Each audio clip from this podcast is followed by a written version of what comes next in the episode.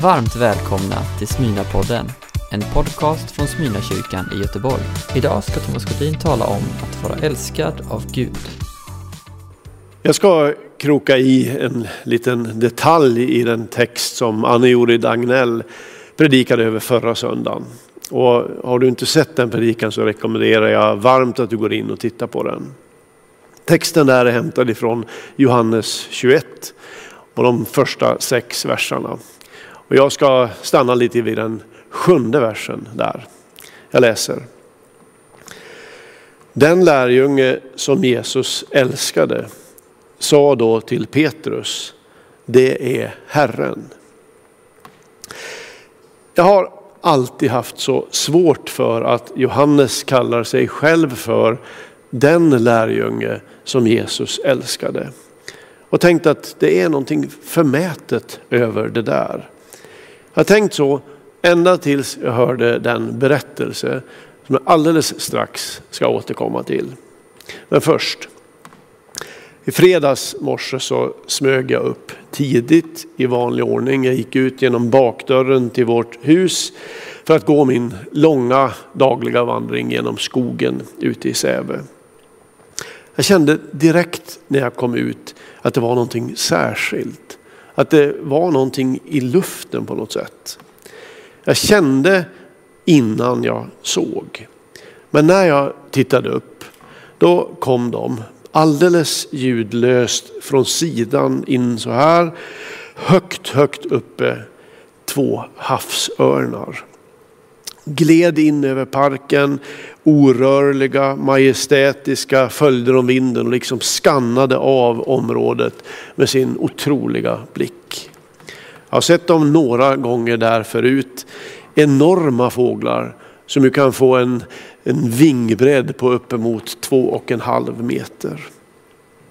Jag tog det där som en bekräftelse på att jag idag skulle säga något omkring den vers som jag gick ut för att vandrande liksom meditera över den där morgonen. Den jag just läste.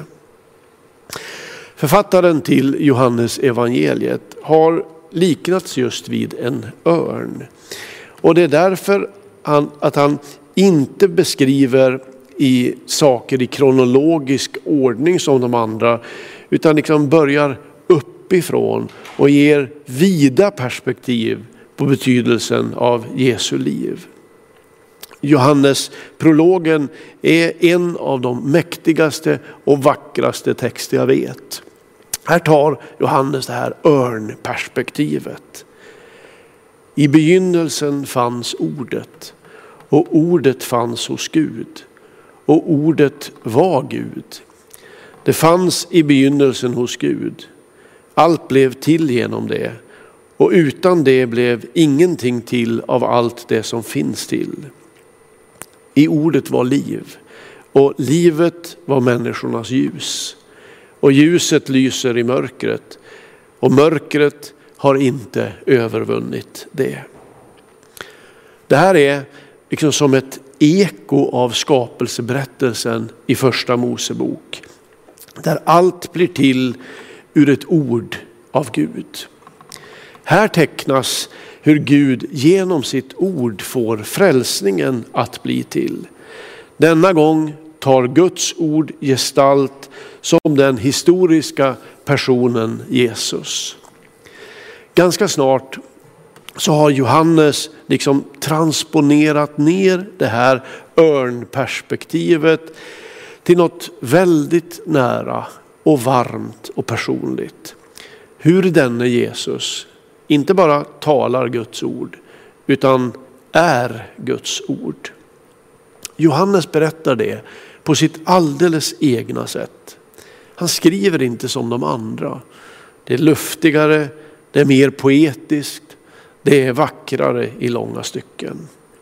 Han berättar vad frälsningen är genom lediga samtal, nära relationer, handlingar av medkänsla, brinnande böner och inte minst det som knyter ihop alla trådar. Jesu offerdöd. Det han är på väg mot nu och det är precis där vi är när vi för första gången hör Johannes kallas för den lärjunge som Jesus älskade. De äter, dricker, samtalar och Judas avslöjas som förrädare. Så här står det. En av dem, den som Jesus älskade, låg intill honom. Simon Petrus gjorde tecken åt honom att fråga Jesus vem han talade om.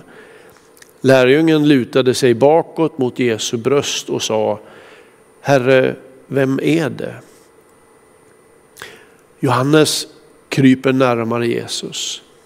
Han vill uppenbarligen vara närmast. Men det ville väl de andra också. Vad tänkte de när Johannes tog för sig? Var de mindre älskade än han? Och framförallt, har Gud favoriter som han gynnar medan andra liksom hamnar i bakvatten eller skugga? Hur kan Johannes sex gånger till och med kalla sig själv för den som Jesus älskade? Och vad jag har grubblat på det. Tills jag hörde den här berättelsen som jag nämnde i början. Den handlar om en kvinna jag vet inte riktigt vem hon var. Men hon var med i en samtalsgrupp som hade kommit fram just till den här texten om Johannes i sina möten. En kväll pratade de om hur man ska förstå Johannes ord om sig själv. Att han var den lärjunge som Jesus älskade. Kvinnan berättade då att hon hade växt upp i en stor familj. Hon hade många syskon. Hon berättade om hur älskad hon alltid hade känt sig. Att hon alltid uppfattat sig själv som sina föräldrars älsklingsbarn. Och så långt senare, efter föräldrarnas död, så möttes alla syskon och började prata om sina föräldrar och om relationerna till dem.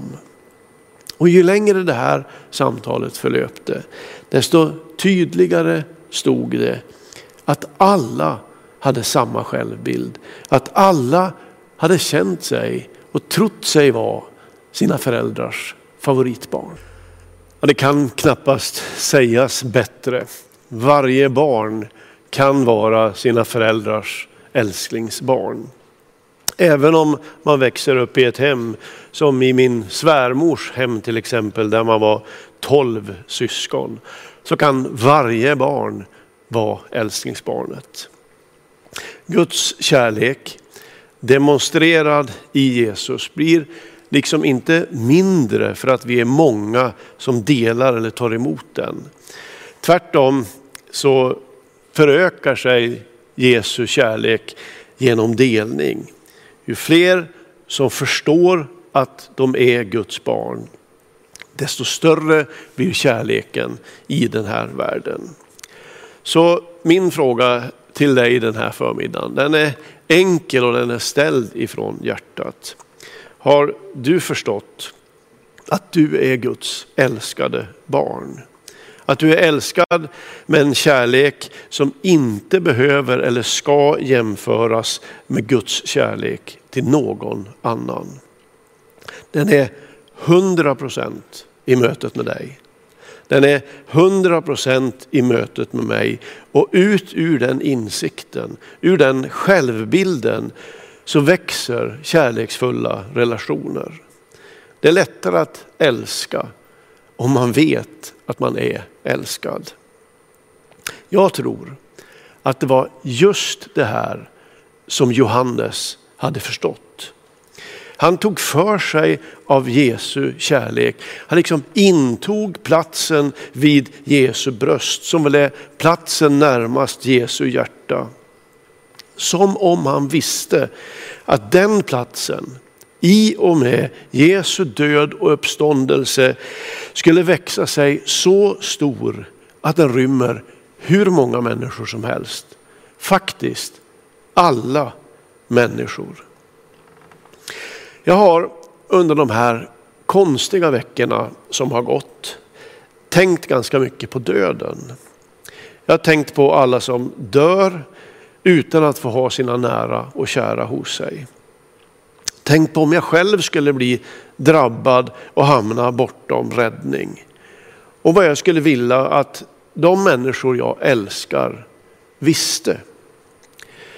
Jag har också ställt mig själv frågan om vad jag skulle vilja veta, alltså känna mig trygg i när jag anar slutet. Att jag gjort nytta, att jag varit en schysst människa, att jag för att använda ett utslitet uttryck gjort skillnad i världen. Jag har landat i att allt det där är viktigt. Men det är ändå inte den vetskap som jag till sist skulle vilja dra mitt sista andetag i. Då vill jag bara veta att jag är älskad. Älskad som jag var när jag kom till den här världen. Villkorslöst som vi hörde, reservationslöst. Utan att jag behövde förtjäna kärleken, utan att jag jämfördes med någon annan. Så skulle jag vilja skiljas från den här världen en gång. Trygg i att jag hos de människor som blev mitt liv är älskad. Men jag ber också om nåden att få lämna den här världen i vetskapen om att jag är älskad så, också av livets Gud. Och att det räcker. Att när jag börjar anklaga mig själv för brister, tillkortakommanden och svaghet kunde få tysta det genom att med ett leende liksom sucka. Men jag är Guds älskade barn och det räcker. Det tycks som om vi alla kämpar ibland med den där självbilden. Att den liksom inte finns där med någon slags självklarhet. Jag hör det från människor jag möter som inte vågar tro att de duger. Att de är tillräckliga. Det här handlar om underbara människor men som anför det ena efter det andra som liksom visar att de inte skulle förtjäna Guds kärlek. Tvivel hos någon, snedsteg, svek, tankar och känslor som man inte riktigt styr på. Så ser vi på andra som verkar leva som Guds älsklingsbarn med någon slags självklarhet. Skillnaden blir på något sätt så, så tydlig. Det är detta som är så befriande med att läsa berättelsen om Johannes. Johannes har några viktiga saker att säga oss. För det första verkar han ha levt ett långt liv. Så långt att det började gå rykten om att han aldrig skulle dö. Och han ser ut att ha levt hela det långa livet utan att förlora tryggheten och vilan i att han egentligen aldrig lämnat den där platsen vid Jesu bröst, den närmaste platsen. Att han livet igenom, ett liv som med säkerhet gick upp och ner för oss, för oss alla, att han livet igenom liksom kände sig som Guds favorit. För det var inget bekymmersfritt eller prickfritt liv Johannes levde. Det var han och hans bror som tiggde om de bästa platserna, de förnämsta platserna i himmelriket. Det var de som i ungdomen fick öknamnet Oskans söner, vilket nog antydde att Johannes kan ha haft ett ganska häftigt humör som ung. Men tiden med Jesus förvandlade Johannes. Den hetsige, ärelystne och intoleranta ynglingen formades av Jesu ande till att i ålderdomen bara tala om en sak. Kärlek. Han hade inte någon högre utbildning tror man. Och man får för sig att han hade detta faktum emot sig. Som när han ställs inför Stora rådet och där betraktas som citat obildad. Det här är ju ett underläge i livet som många som av olika skäl inte kan stoltsera med många högskolepoäng kan känna igen sig i. Men Johannes hade inte sin identitet där. Han kunde vara trygg i den han var för han visste det viktigaste och det var att han var älskad. Han talar i Johannes evangeliet inte om sig själv med sitt personnamn. Den använder ofta det här, den lärjunge som Jesus älskade. Och det här tror man var någon slags litterär form som inte var helt ovanlig. Men det kan också vara ett sätt att, att liksom flytta fokus från sig själv. Ett uttryck för ödmjukhet. Men jag undrar om det inte kanske framför allt säger någonting som har med hans djupaste identitet att göra. Att han inte hade den i sin familj eller släkt, inte i sina förtjänster, inte i sina känslor, inte i sin status, utan att han hade sin identitet i att han var älskad. När Johannes senare i livet skriver sina brev så är ju de från början till slut genomdränkta av kärlek. Den kärleken blir inte inåtvänd och märkvärdig. Tvärtom, där finns kraften till att leva ett kärleksfullt och älskande liv. Guds kärlek till oss som nådde oss med full kraft i Jesus. Det är den viktigaste ingrediensen i vår identitet. Ur den faller en skur av befriande följdverkningar. Vi slipper tävla med varann. Vi slipper jämföra oss. Våra liv tar liksom gestalt ur den kärleken. Eller med Johannes egna ord. Vi älskar för att han först älskade oss. Omkring 95 efter Kristus så förvisas Johannes till klippön Patmos sydväst om Efesos där han levt och verkat länge långt ute i Egeiska havet. Det var kejsaren Domitianus som placerade honom där som straff för att han citat talat och vittnat om Jesus. Slutcitat. Här ute får han nu en makalös upplevelse. Han hör en dag ett öronbedövande ljud bakom sig och när han vänder sig om så ser han någonting som liknar gyllene ljusstakar eller lampställ. Och bland dem en gammal bekant som liknade en människoson. Han ser att detta är hans, kanske kusin eventuellt, men åtminstone hans mästare som han inte har sett på mer än 60 år. Jesus från Nasaret. Han faller chockad ner på marken och Jesus lägger nu sin högra hand på Johannes och så säger han, var inte rädd. Jag är den förste och den siste och den som lever. Jag var död, men se, jag lever i evigheters evighet och jag har nycklarna till döden och dödsriket.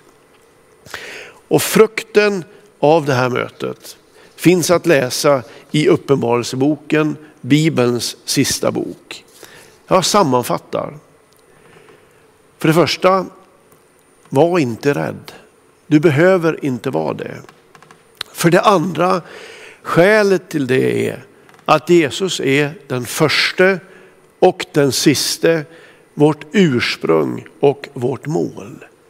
Vilket innebär att vi genom frälsningen alla är Guds älskade barn.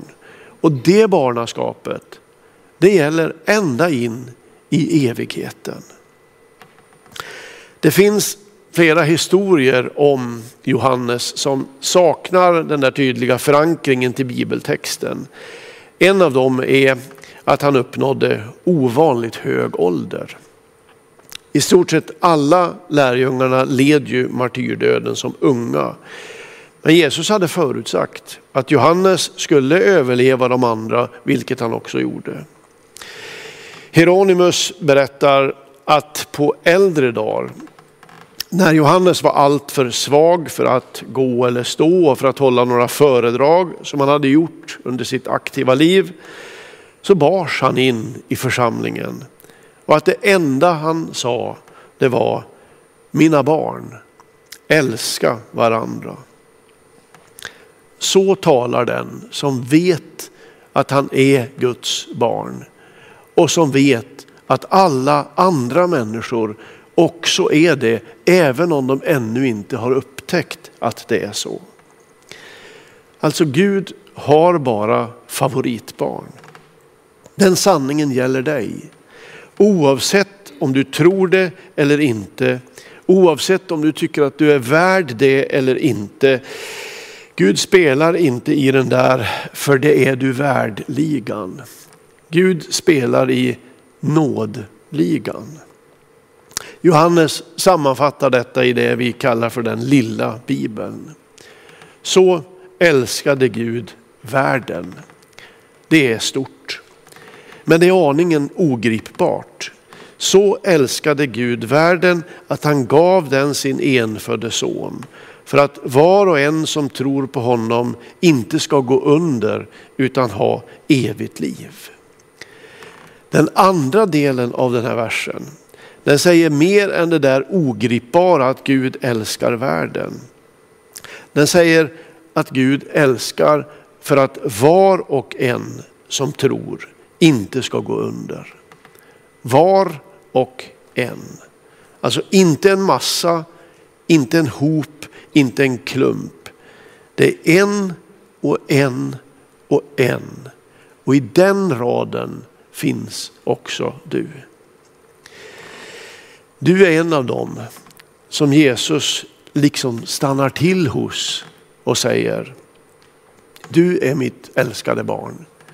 Du är den lärjunge jag älskar. Det var för dig jag gav mitt liv. Du har lyssnat på en predikan från Smyrnakyrkan i Göteborg. Hjärtligt välkommen att lyssna igen eller besöka Smyrnakyrkan. Gud välsigne dig och din vecka.